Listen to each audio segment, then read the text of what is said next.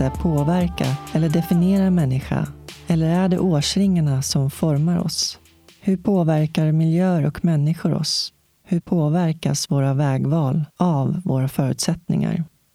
Jag som driver soluret heter Jasmine Nilsson och jag är nyfiken på vad som formar oss till de vi är. I soluret möter jag människor från alla samhällsskikt och med varje livshistoria belyses olika ämnen.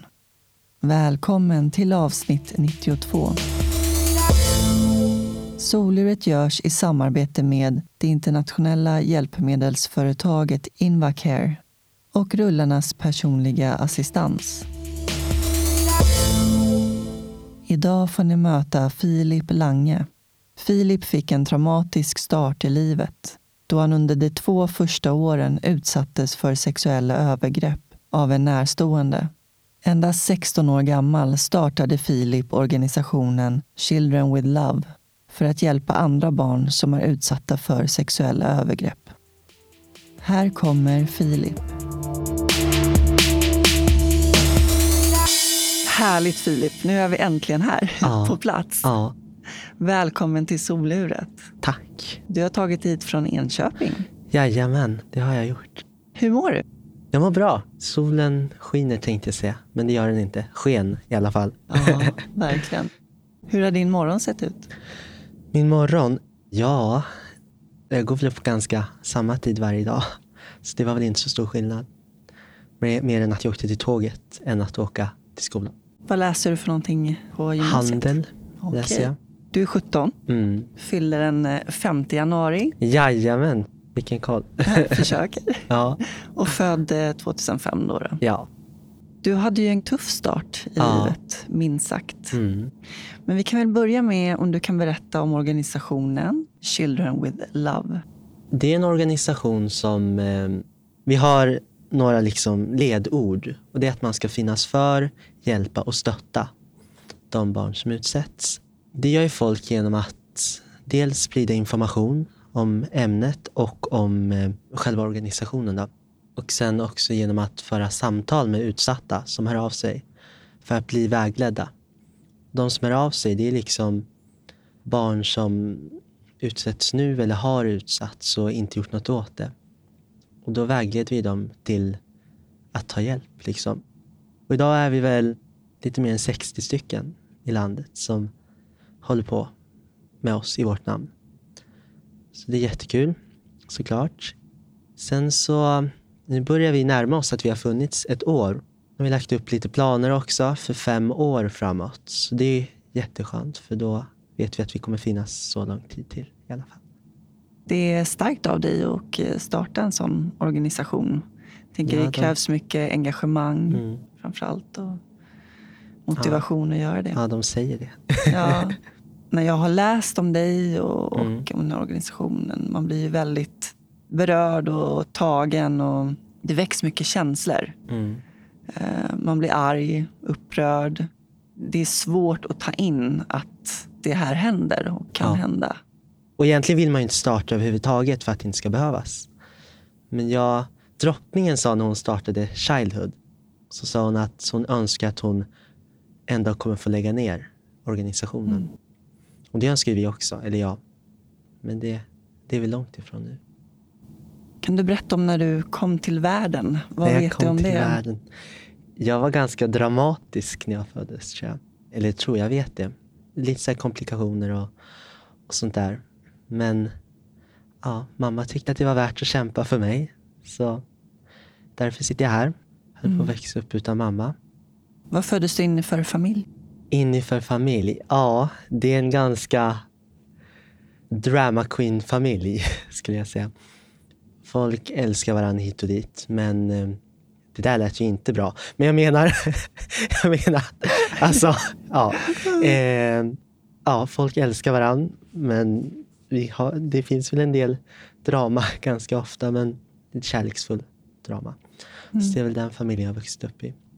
Vilka är dina föräldrar? Mina föräldrar är min mamma just nu. Sen har jag ju, och nu fortsätter på övriga familjen. Sen har jag en storebror som är fem, 14 år äldre än mig. Med barn, hus och fru och Så det är en lite förebild där faktiskt. Eh, mm. När jag var inne på ditt Instagramkonto så såg jag en bild på dig när du är tre år. Mm.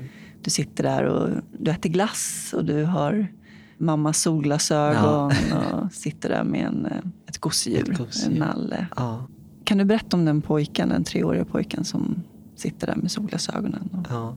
äter glass? Han eh, är väl en, eller var en eh, som ville verkligen ha allt bra, ha allt gott och, och sådär. Sen att vissa saker inte riktigt blev som tänkt kanske. Och sen är det, när man är så liten så vet man inte vad som är rätt och fel heller.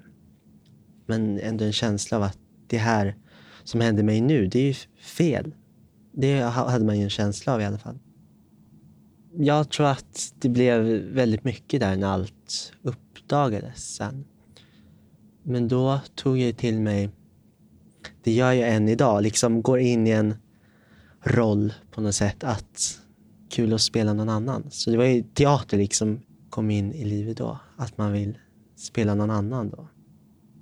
Vid matbordet typ spela någon som inte alls är jag. Men sen ändå kunna återgå i de bra stunderna till den jag var och är. Så det är väl det som har tagit mig framåt. Tror jag. Ja, det blir som en flykt, fly in Ja. i, i någon annan karaktär. Precis. Precis som du säger, att man känner att någonting är fel Ja. men inte kan sätta ord på vad det är förstås, när man är så liten. Och samtidigt så har man ju inga referenser heller. Nej. Nej, idag är det ju vad gör du liksom? Mm. Om någon hade gjort något. Ja, såklart. Men då vet man ju inget Nej. annat. Din mamma förstod att det var någonting som inte stod rätt till. Ja, exakt. Vad var det för tecken hon såg? Hon såg tecken men i de här intima situationerna man har när man är liten. Man ska, det är byta blöjor hit och dit och det, det ska ätas och det ska... Liksom, där märkte väl hon att det, det här är väl inte något som står riktigt rätt till. Mm. Det är så ofattbart, alltså hur man som mamma då Mm. ska överhuvudtaget kunna tänka tanken Mm. på vad som kan ha hänt och vad du blivit utsatt Ja. för. Liksom. Ja, och sen var det ingen som trodde på henne heller i början. Så hon stod ju verkligen själv i det här som hon misstänkte. Vad tror du var som gjorde att hon ändå... Hon såg tecken hos dig. Mm. Det var någonting med dina reaktioner och sådär som Mm. inte riktigt stämde. Men sen steget från det då till att kanske inse då vad Mm. det är som har hänt. Ja, alltså mycket har jag valt nu och hon har valt att nej men det här pratar vi inte om och det här... Det finns ju saker som jag inte vet än vad som har hänt. Hon säger att vänta tills du i alla fall blir 18. Så får du liksom ta ett beslut själv att vill jag veta mer vad som hände och sådär. Jag förstår. Men när du var två år, det var då hon anmälde till polisen. Mm, ja, någonstans där två, två mm. Mm. Och då är det en närstående till dig som Mm. har utnyttjat dig. Mm. Och sen blev det en lång rättsprocess Ja, av det hela. det, det var nog tufft för alla. Eh, och definitivt tufft för dem som misstrodde mamma. Och sen fick se att men det var ju sant. Ja. Och, ja, Hur kan man bevisa en sån sak? ja det, det går nog inte på en gång att göra, tror jag. Utan det är väl mer med tidens gång och polisbevis i så fall. Vilket nu i, det här fallet inte fanns jättemycket av. Eftersom att det städades bort och det hölls på sådär. Så att det inte skulle finnas något kvar. Och eh, även du blev ju förhörd, förstod jag det som. Vi hade en, en jag minns jättemycket. Det var ju då när jag gick på dagis. Så, så jag fick åka med en eh, dagisfröken till Uppsala. Då fick jag alltid åka taxi, så fick jag pizza när vi kom tillbaka. Alla andra fick sitta där med sina makaroner och sådär, men jag fick pizza. Eh, men vi åkte till barnahus i Uppsala. Det finns ju på barnahus polis och åklagare och det är psykologer kanske också. Och då satt vi och pratade, jag och den här, vad hon nu var, i ett rum jätteanpassat för barn. Liksom finns leksaker och, och liksom på något pedagogiskt sätt med eh, resten av åklagare och sånt där bakom en glasskärm. Så försöker hon liksom få ut så mycket av mig som möjligt genom lek och pedagogik. Så uh, där fick hon väl ut lite grann i alla fall. Hur mycket kommer du ihåg av eh, den här processen och de här förhören? Ja, alltså själva rättegångarna och sånt, de kommer igång under åren när man själv börjar minnas saker och när man själv börjar komma ihåg saker. Och sådär. Så det har man ju minnesfrekvenser av. Inte de här fulla minnena att då gjorde jag så och så och så. Nej. Men bilderna är ju kvar. Ja, jag förstår. Mm. Och av själva övergreppen och det traumat som du var med om. Finns det några minnesbilder från det? Nej, men det är väl mest saker som man kan komma på idag. Att men det där, det var ju kanske inte riktigt rätt gjort. Och varför gjorde han sådär? Och, och sånt där. Liksom. Mm. Mm. Jag kan tänka mig att kroppen kommer ihåg också. Att man ja, har ett klart. fysiskt minne. Ja, jag har mer psykiskt minne och sånt där. Men mm. självklart påverkas det ju både psykiskt och fysiskt. Mm. Och det kan ju vara minnen man själv inte ens vet är kopplade till det. Nej. Men att det är tufft ändå. Men om vi går tillbaka där, hela den här äh, processen mm. som ju tog så lång tid. Ja.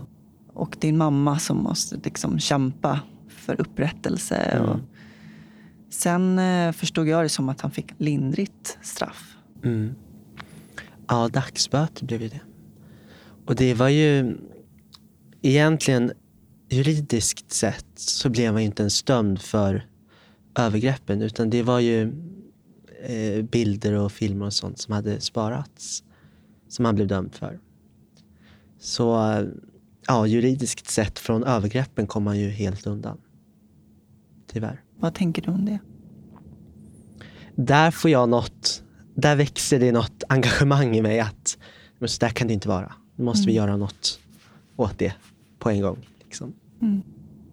Men just det här med, som du säger, med att hon fick kämpa för att bli betrodd också. Mm. Också för andra närstående och, och ta in det här svåra då. Mm. Som är obegripligt.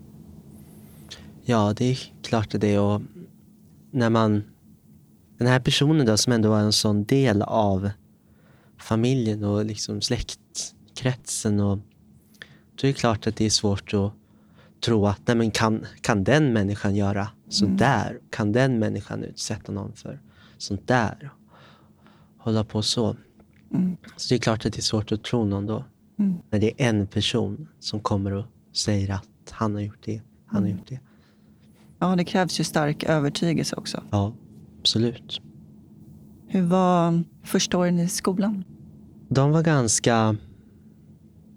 Jag har aldrig blivit mobbad eller någonting, men personligen så var det nog ganska tufft, tycker jag. Eh, inte svårt att passa in och sånt där, utan mer att kunna ta sig till skolan. Liksom. För jag var så fäst vid mamma vid den tiden.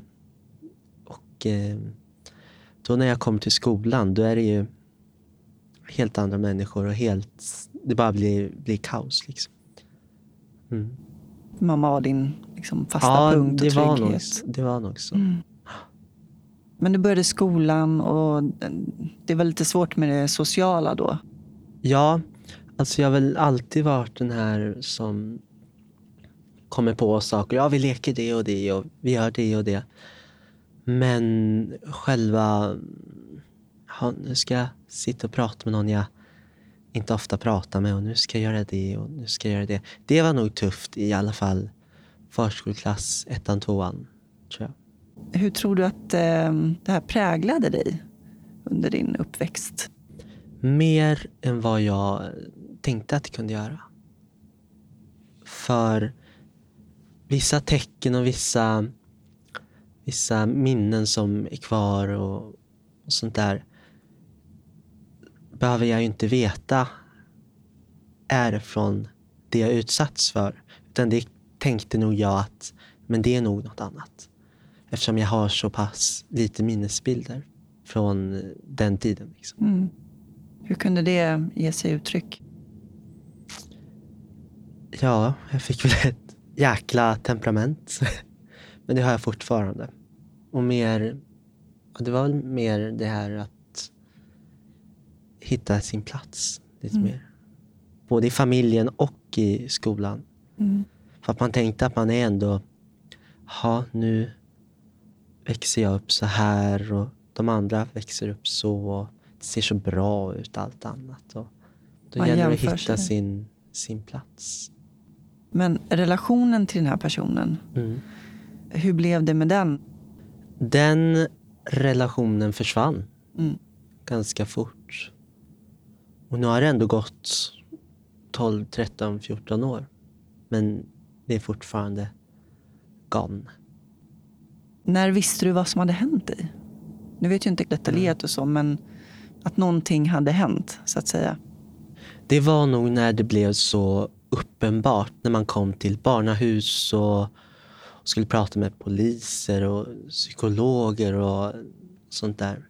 Då fick jag nog den största uppenbarelsen att nu har något dåligt hänt. Liksom. Mm. Och sen levde du med det under din uppväxt. Under din uppväxt, du är så ung fortfarande. Ja, ja. Men eh, med att någonting hade hänt. Så. Mm. När pratade du och din mamma om, om det här? Ja, gud, hur gammal kan jag ha varit då? Var, var det något som bearbetades liksom från början så att man pratade om det? Eller? Nej, det, det, var, det var en tystnadskultur i hela, hela familjen och släkten. Mm. Det pratade man inte om. Nej. Och därav fick inte jag veta heller så mycket. Eftersom att man inte pratade om det. Men det måste väl ha varit ja, ganska tidigt ändå. Men inte direkt efter att allt hade hänt. Mm. Men enstaka gånger då. Inte liksom vi sätter oss ner och snackar om det här. Utan mer att det slinker in i samtalen. Mm. Och den här tystnadskulturen. Mm. Man blir ju så matt att den Ja, finns. den är hemsk. Hur hanterar man det? Jag tänker på din mamma också. Ja. Som var misstrodd. Och, Mm. Jag tror att det kan ha varit det som påverkade att det blev en sån tystnadskultur. Mm. Att mamma inte blev trodd och eh, han blev inte fullt utdömd. Jag mindes inte så mycket. Det är som gjort för att inte prata om. Mm. Men det tycker jag det är det jag säger idag till folk som utsätts. Att prata om det. Sen är det ju inte helt lätt det heller, det vet ju jag också. Men det kan bli lätt. När kände du att du kunde börja prata om det? Det var nog efter det här inlägget jag skrev på Instagram. Våren eh, 2020, tror jag. Så det är Mm. bara två år sedan. Och nu är ju det ett öppet, i och med Children with Love och sånt där, så är ju det ett öppet tema när man har familjemiddagar och träffas i släkten. Och, men hur går det med Children with Love? Och Mm. sånt där frågar de.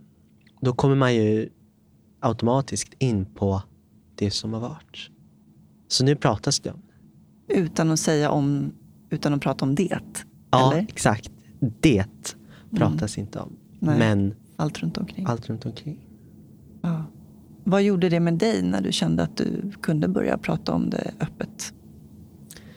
Då kom det här drivet in i, i mig och engagemang och nu måste jag hjälpa fler och nu måste jag göra det. Nu måste jag göra det. Det hände. Mm. Kände du att du mådde bättre av att kunna prata om det?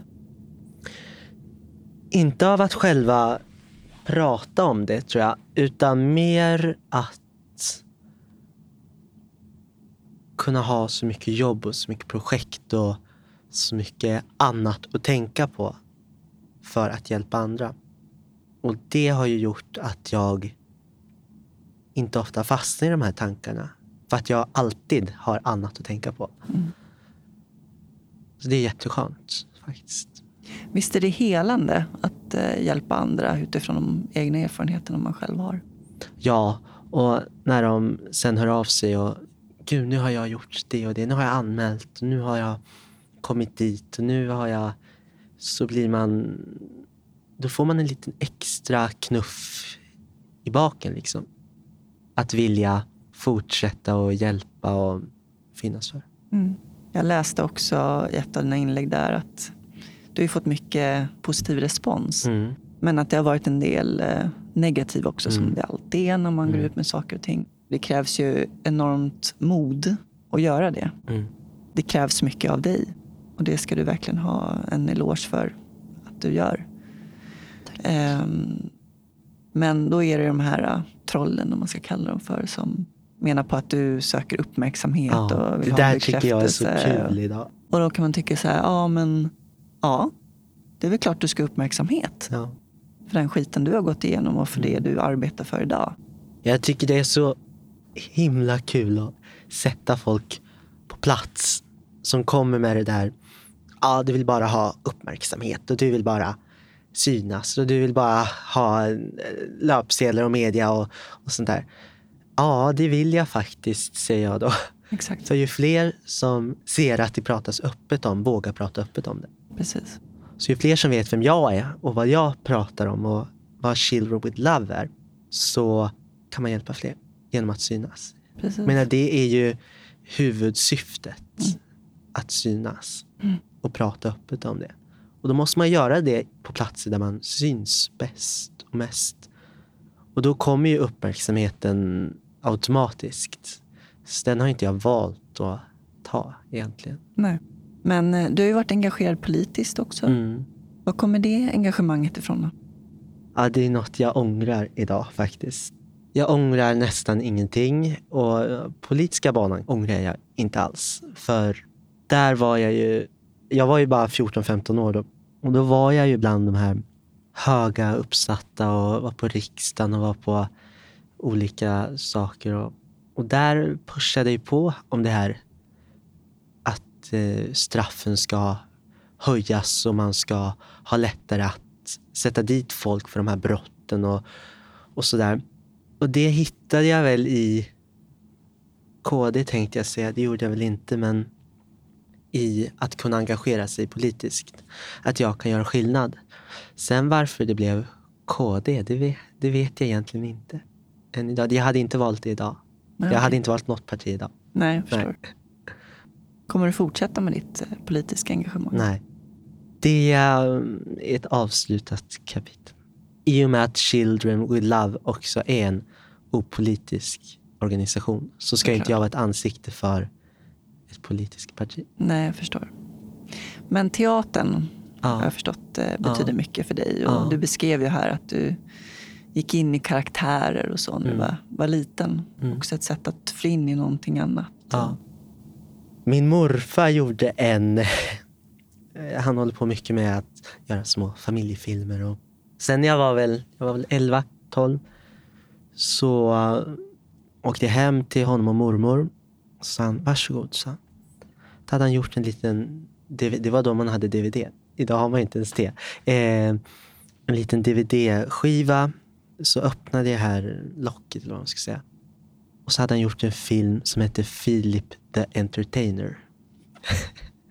Bara filmer från min uppväxt när jag håller på och dansar och sjunger och spelar teater. Och där har jag en kraft idag att nu ska vi ta det till nästa steg. Philip the Entertainer. Vad fint av Mm. din morfar. Ja. Och sen nu är vi på Uppsala stadsteater. Håller på med en föreställning om hat faktiskt. Den heter till och med Hatet. Och då um, har jag bidragit också med att försöka få in lite av mina erfarenheter och hur man kan hjälpa. Och, så det är också med i pjäsen, eller föreställningen. Hur gör man en föreställning om hat? Då samlades vi några stycken och gick igenom med varann hur hat har spelat roll i allas liv.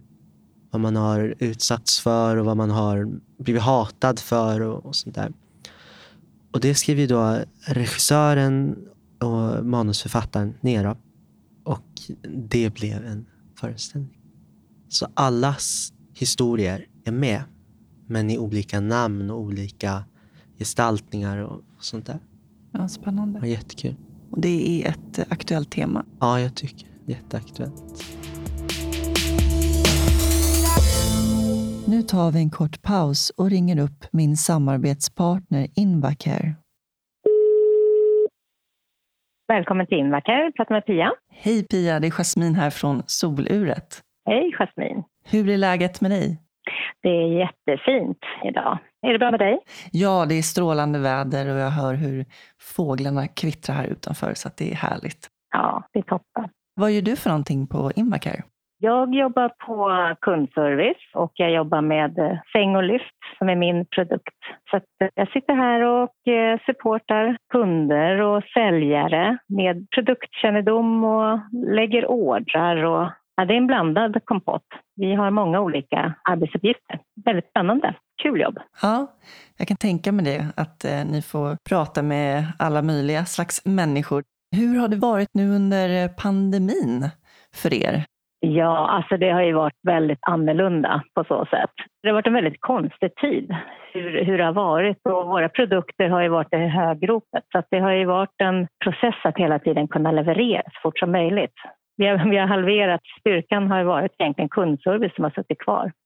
Så att vi har eh, jobbat ihop oss till en väldigt tajt grupp som fick jobba här. Jag kan tänka mig att ni har liksom varit navet på något vis i verksamheten, mm. få allting att eh, rulla på helt enkelt. Exakt. Ja, men så har det varit mycket, att man har hela tiden varit med och liksom försökt eh, få fram så att eh, vi ska kunna möta efterfrågan på så bästa sätt som möjligt med det. Det har varit eh, som att lösa mysterium vissa dagar när vi inte riktigt kunnat få fram och man har varit glad när man har lyckats få till det så att det ändå har nått slutkund i, i rätt tid. Och, och det som har varit så är ju det att man har ju samtidigt haft en väldigt annorlunda kundkontakt eftersom den har blivit tätare. Det har ju hörts mer med kunder och jag tycker att det har varit en väldigt hög förståelse. Det känns som Sverige liksom har samarbetat på det sättet så att det, har, ehm, det skapar nya kontakter som är väldigt givande i att man jobbar liksom tillsammans för att kunna leverera så bra som möjligt. Jag förstår. Och vad är det bästa med ditt jobb? Ja, det är ju mång, alltså det är så mångfacetterat. Jag gillar ju det här när det är många olika bitar. Som du sa, när du, just det här, alla samtalen jag får. Mötet med kunden är jättehärligt och man skapar relationer. Jag tycker det är kul att kunna produkterna så att man blir riktigt specialist på det och kunna liksom supporta på ett bra sätt. Det är väldigt omväxlande, så det gör ju att det är väldigt roligt, lärorikt hela tiden. Jag förstår. Tack så mycket för samtalet Pia, så får du ha en fortsatt härlig dag. Tack själv. Kul att höra av dig. Ja, ha det bra. Ha det bra. Hej då. Hej då. Du som har erfarenhet och har mm. pratat med många som också har blivit utnyttjade. Vad kan man vara uppmärksam på för tecken mm. om ett litet barn som inte ens själv vet vad som är rätt och fel mm. blir eh, utnyttjad? Den största hjälpen är att fråga. Bara fråga, hur mår du idag? Ja, ah, jag mår sådär. Och då frågar man varför. Det kan, kanske inte de, barnet vill tala om det, men släpp det då inte där utan återkom en tid senare och fråga, men vad var det egentligen? Så, och då, där kan man ju ha jättekonflikter med sitt barn då. Om man frågar för mycket. Och barnet blir så här, men låt mig vara. Mm. Men det är värt det, tror jag. Så det är väl fråga och eh, ta därifrån att hör man att det inte är så bra med barnet, då kan man börja kika på de här tecknen. Hur har du bearbetat allting? Jag misstänker att det pågår bearbetning förstås. Första åtta, nio åren, då var det så här, psykologer, BUP och, och sånt där. Men nu, nu är arbete så mycket terapi för mig. Mm. Så nu tycker jag inte att jag behöver det. Utan nu bearbetar jag varje gång man kan hjälpa någon. Mm. Mm. Och om det är någon som lyssnar som själv har varit utsatt, vad mm. skulle du vilja säga till den, den personen? Man behöver inte känna sån skam för det man har utsatts för. Utan det är ju det är inte den utsatta som ska känna skam, utan det är ju förövaren. Så då skulle jag råda att prata om det. Prata öppet om det. Kände du skam? Ja, på det sättet att familjen splittrades lite. Så är, det klart att tankarna kommer att Jaha, men om jag inte hade visat upp de här tecknen som mamma uppfattade. Då hade vår familj varit hel. Liksom. Men eh, idag fattar jag ju att... Men du hade inte varit hel? Nej, exakt. Det är det jag fattar idag. Hur kom du över den där skamkänslan? Det var nog, nog också i samband med att jag började prata om det. Mm. Och när jag hör mig, hörde mig själv första gången säga att ja, och de som är utsatta ska inte känna skam. Då klickade det till i mitt huvud. Nej, just det. Så är det ju. Så ska inte jag heller känna skam. Mm. Så det är nog sen dess. Mm. Ja, det är så otroligt svårt det där med just Ja. skammen. Det tror jag nog är det svåraste. Mm. Just för att eh, barn tar ju alltid på sig ansvar och allting. Mm. Över sina föräldrar också och deras smärta och utmaningar. Och... När jag var 15 år Mm. så blev jag utnyttjad av en sjukgymnast som jag gick till. Mm. Och som använde sin makt. Mm. På så sätt att personen lovade mig att eh, jag eh, hen skulle hjälpa mig att bli en bättre dansare och att jag skulle Mm. komma in på den skolan som jag ville gå Mm. på och allt det där. Och jag var ändå 15 så jag hade ju någon uppfattning om vad som var rätt och fel. Och då var nästan skammen värre. För att Mm. man visste, man lät det hända. Mm. Eller man ska säga lät Ja. det hända. Men man bara fryser till. Ja, men det, det, det är en händer det. bubbla man Mm. hamnar i på något Mm. sätt. Sen ta sig ur den, det är inte alls lätt. Nej. Och just det här att, ja, att man inte vill eh, gå ut med det heller. Eh, och berätta om det för att det känns som att det inte är värt den smärtan heller som det Nej. innebär. För det innebär ju smärta också att, Ja, att prata om Mm. det och berätta om det och så vidare. Mm. Då är det som att man återupplever allting igen. Allt trauma, ja. Det är många som säger att det är en fotbollstränare som utnyttjar en fotbollselev. Så är det klart att fotboll, just fotboll kommer att bära med sig ett minne från vad man utsatts för. Och så fort någon säger fotboll, då pluppar de minnena upp. Så är det ju för jättemånga. Och jag hade nog det med just... Vi har ju hus i Leksand. Och eh, där bor ju också min förövare. Och eh, den familjen och släkten och sånt där. Så varje gång man kör in där, då kommer det ju tillbaka. Mm. Att ja, undra vad som hade hänt och undra vad som hade sådär liksom. Mm. Så ett ord kan ha ett sånt samband med det man utsätts för. Ja. Och sen är det så individuellt också hur man lär sig att leva med det. Mm. Så. Vad tänker du om det idag, det du blev utsatt för? Liksom, hur, hur kan du leva med det? Den frågan ställer jag mig ganska ofta. Hur, hur kan man må så pass bra när någon ändå har trängt sig in på ens integritet? Eh, och eh, jag har nog...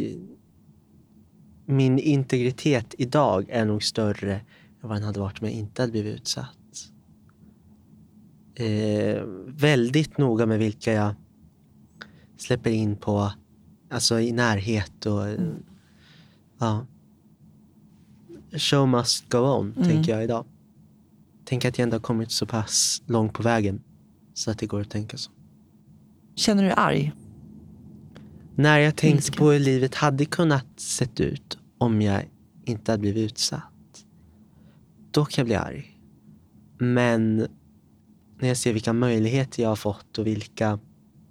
Det lät som att det är bra att bli utsatt, men vilka personer man får träffa när man, eh, när man arbetar med det här idag. Och hur många man får hjälpa och hur många man kan då kan jag känna att, inte tacksamhet, men det gör såret mindre svårt att läka.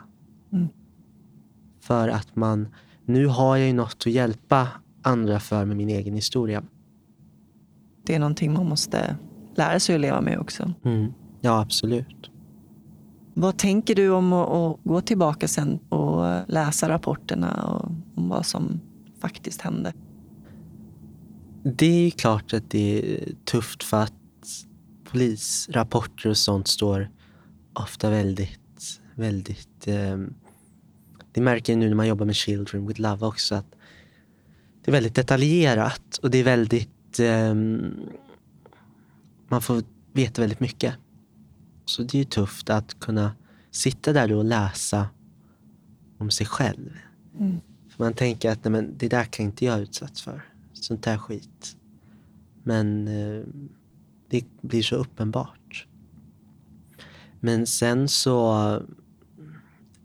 är det ju såklart en skönt att få veta mer också. Mm. Och ändå få, det känns ändå som ett avslut på något sätt. Man har fått veta vad som exakt hände. Mm. Sen har jag en, en eh, på min bucket list att eh, någon gång i livet, absolut inte nu, om säkert 10-15 år i så fall, ta kontakt med den här förövaren.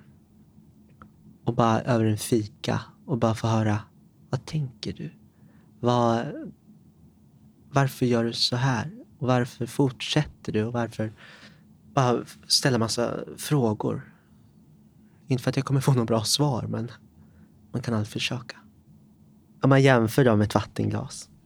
Så nu är jag väl ganska lite mer mitten. Att jag är jättesugen på att konfrontera honom. Mm. Men jag är inte redo. Men det här glaset har runnit över. Då kommer jag få någon impuls och bara ringa och bara, du vi tar en fika. Mm. Men det kommer inte hända på ganska länge. Sen har det kommit fram att han har ju varit på senaste åren varit på andra barn också. Och då blir jag så här att, men herregud, lär man sig inget? Ja. Och, men det blir en sjukdom till slut. Att Mm. han bara skiter i konsekvenserna. Mm. Och det där, det är någonting fel på rättssystemet. Ja. Det, jag tycker ju personligen att det ska inte ens, ens gå att göra om samma brott gång på gång på gång. Utan en gång och that's enough, känner jag. Jag tänkte komma till mina lite filosofiska Frågor. frågor. De stora frågorna. Ja. Vad innebär det för dig att vara människa? Att vara människa, det betyder... Idag säger jag att eh, kunna leva upp till det man själv förväntar sig av sig själv och vad andra förväntar sig av en. Att liksom, ja, men att leva sitt liv på ett gott villkor. Det tycker jag vara människa. Sen Eva Attling sa en jättebra sak någon gång. Att eh, hon är kåt på livet. Mm. Och det där har jag tagit efter. Så Mm. nu säger jag till alla att men var lite mer kåt på livet. Ja, ta vara på livet Ja. gör man ju då, Mm. eller hur? Ja, Ta exakt. för sig. Ja. Tror du på ett liv efter detta? Jag vill tro det. För att jag har väldigt svårt för att den person jag är, att jag måste ha massa, massa bollar i luften och hålla på med saker hela tiden. Att jag ska ligga i, under marken svart, bara helt svart. Nej, jag måste göra något. Så jag hoppas att det händer något efter. När känner du dig fri? När jag, mm, men som när jag skulle hit, sitter på tåget, sen hoppa på tunnelbanan. Då, och att alltså, sitta i tunnelbanan, då är jag fri. på något sätt. Ja. Ingen annan man behöver prata med och ingen man, man kan bara, bara vara. Och sen på, min morfar har ju kvar sitt barndomshem utanför Katrineholm. Där det är ju en stor gård i, och så skog runt omkring. Och där, där känner jag mig fri faktiskt. För att det, då är det också ingen man behöver prata med. Nästan inga grannar. Och bara bara vara. Men efter någon dag får jag panik. Måste jag det man, min man brukar kalla det för någonting. Att han får... Min mamma brukar säga lappsjuka. Tack! Är det det? Det är exakt Ja. det. Lappsjuka. Lappsjuka, det får jag. Därför jag tycker det är så skönt att komma till Stockholm. För Enköping är också lite landet kan jag Mm. tycka ibland. Men det skönt med småstad. När känner du dig sårbar? När folk missbedömer ens kompetens. Att nej men gud, det där, det där klarar nog inte du. Det där, nej. Hur ska du göra det där? Och sånt där. Då känner jag mig sårbar. Men ändå får en jäkla styrka. Och det är då mitt engagemang kickar in. När folk säger att nej, det där klarar inte du. Men då säger jag att men jag har koll på livet, jag måste göra det här. Och det går ju oftast bra faktiskt. Ja, Man måste ju Så är våga för att lyckas. så är det. Annars kommer man ju ingen vart. Nej. Det är ju tråkigt. Ja, det är jättetråkigt. Vad drömmer du om? Jag drömmer om att ehm, jag satt med en kompis och så kom vi in på framtiden. Och då sa hon att, ja men vad har du för framtidsplaner? Då rabblade jag upp allt. Så jag, vad har du då? Då rabblade hon upp allt. Då kom jag på att, men gud, vilka tråkiga liv vi har. Vi har allt planerat. Vi har planerat allt. Så jag drömmer ju om att eh, gå klart gymnasiet. Komma in på Teaterhögskolan och eh, flytta till Stockholm. Komma hem, bjuda en person på en dejt och sen flytta tillbaka till Stockholm. Sen har vi kommit fram till att jag och min kompis att för hon ska flytta till Karlskrona snabbt som möjligt. Och då säger jag, ja, men jag, eftersom vi träffas varje dag så måste jag också komma ner, flytta ner. Så det är väl också en dröm. Så själva det jag drömmer om det är att livet ska bli som jag planerat. Ja, precis. Men vad har du för eh, tankar om framtiden nu med Children With Love? Children with Love, där har vi tanken att, eller jag har en vision om att dels så ska vi hjälpa så många som möjligt nu och fortsätta med det. Sen så vill jag etableras på det sättet att just nu har vi personer i olika städer som är engagerade. Och då har jag en liten dröm och vision om att de här människorna i de olika städerna ska tillsammans med andra personer i de städerna kunna ha liknande lokalavdelningar typ av Children with Love. Och så är ju sätet i Enköping. Då. Att kunna utveckla det på det sättet. Och sen även, sen vill man ju internationellt också. Vi kollade på det här, vad heter det? Allt för Sverige. Mm. Eh, Med amerikanerna som kommer till Sverige. Och då läste jag en artikel om en som var med där, Sally. Och hon hade utsatts av sin pappa när hon var liten. Mm. Då tänkte jag men nu har jag en ingångskälla. Just det. Tänkte jag. Nu har vi båda en erfarenhet som är jättelika. Så jag la till henne på Facebook. Hon accepterade. Sen skrev jag ett långt meddelande till henne. Och så svarade hon och vill jättegärna hjälpa till i organisationen. Och då tänkte jag att nu har vi en ingång i USA i alla fall. Så då hoppas jag kunna etablera lite i USA också. Jättekul. Mm. Så viktigt Ja. arbete. Var kommer namnet ifrån? Hur tänkte du kring det? Det jag tänkte barn och eh, kärlek. Childhood finns ju. Och det är ju barndom. Och då tänkte jag att då vill jag ha något lite likadant men ändå inte så att det kopplas. Tänkte jag barn och de ska ha en kärleksfull barndom. Kommer jag på att tänka på kärlek och men då blir det barn, barn med kärlek. Då Mm. blir det children with love. Jättefint. Mm. Vad har du för förebild? drottningen i så Mm. fall tror jag. Ja, men starta upp en organisation. Och nu tänker jag att hon är drottning. Hon hade alla förutsättningar att kunna starta upp en organisation som kommer bli stor. Men att hon gör det, det tycker jag är stort. Och sen har sett hur Childhood har växt. och hur stort det är idag. Där är nog min Children with Love-förebild, tror jag. Drottningen. Hon är ju ett av mina mål med Children with Love. Att kunna i alla fall ha en timme med henne och bara berätta vad vi jobbar med. Det är ett mål. Jag har några lite mer lättsamma frågor också. Ja. Antingen eller-frågor. Oj. Kaffe eller te? Te alla dagar i veckan. Stad eller landsbygd? Stad. Bok eller film? Film. Kött eller grönsaker? Jag måste säga grönsaker ändå, faktiskt. Nu sviker jag min familj.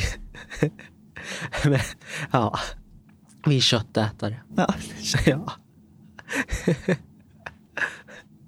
Planering eller spontanitet? Jobbplanering och sånt här planering. Men privat spontanitet. Mm. Se eller höra? Åh. Se, tror jag. Mm. Lyssna eller prata? Prata, för det gör jag hela tiden. Det är du bra på också. Ja, tack. Så jättemycket Filip för att du delade med dig av ditt liv i soluret. Tack för att jag fick göra det. Vad ska du göra idag förresten? Idag ska jag... Nu går hur mycket klockan? 12. Nu har jag nästan mer än nästan fyra timmar på mig i Stockholm. Och när jag är i Stockholm då går jag alltid upp på Östermalm. Förbi Dramaten. Jaha, Eh. och drömmer dig bort. Ja, faktiskt. Marie Göransson, skådespelerskan, hon gjorde en sak när hon var liten. att Hon sprang upp på trappan när hon var i sin, eller med sin pappa i Stockholm. Sprang hon upp på Dramatentrappan och sa att här ska jag spela. Så då gjorde jag samma sak med mamma när jag var liten. Här ska jag spela. Så, så nu går jag alltid förbi när jag är i Stockholm och drömmer mig bort. Solen skiner. Du får Mm. ha en underbar dag i Tack Stockholm. detsamma. Tack Filip. Tack.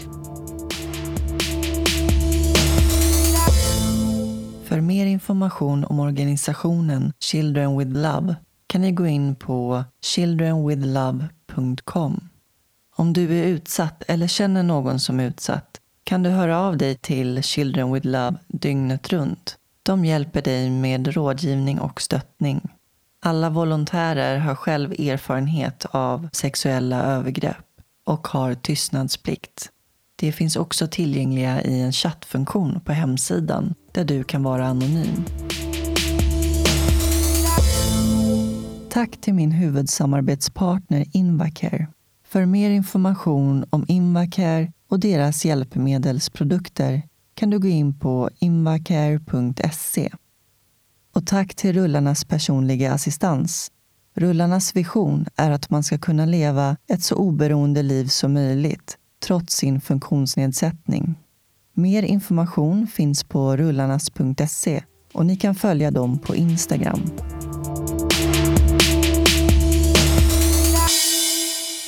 I nästa avsnitt får ni möta Ida Östensson.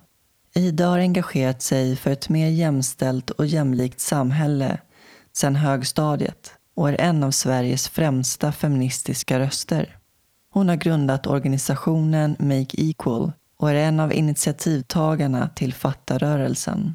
En rörelse som var med och drev igenom samtyckeslagen. Ida är prisad för sina insatser och idag arbetar hon som chef för kommunikation och påverkan på barnrättsorganisationen Child 10. Tack så mycket för att ni lyssnade och ta hand om varandra där ute. Puss och kram. Hej då.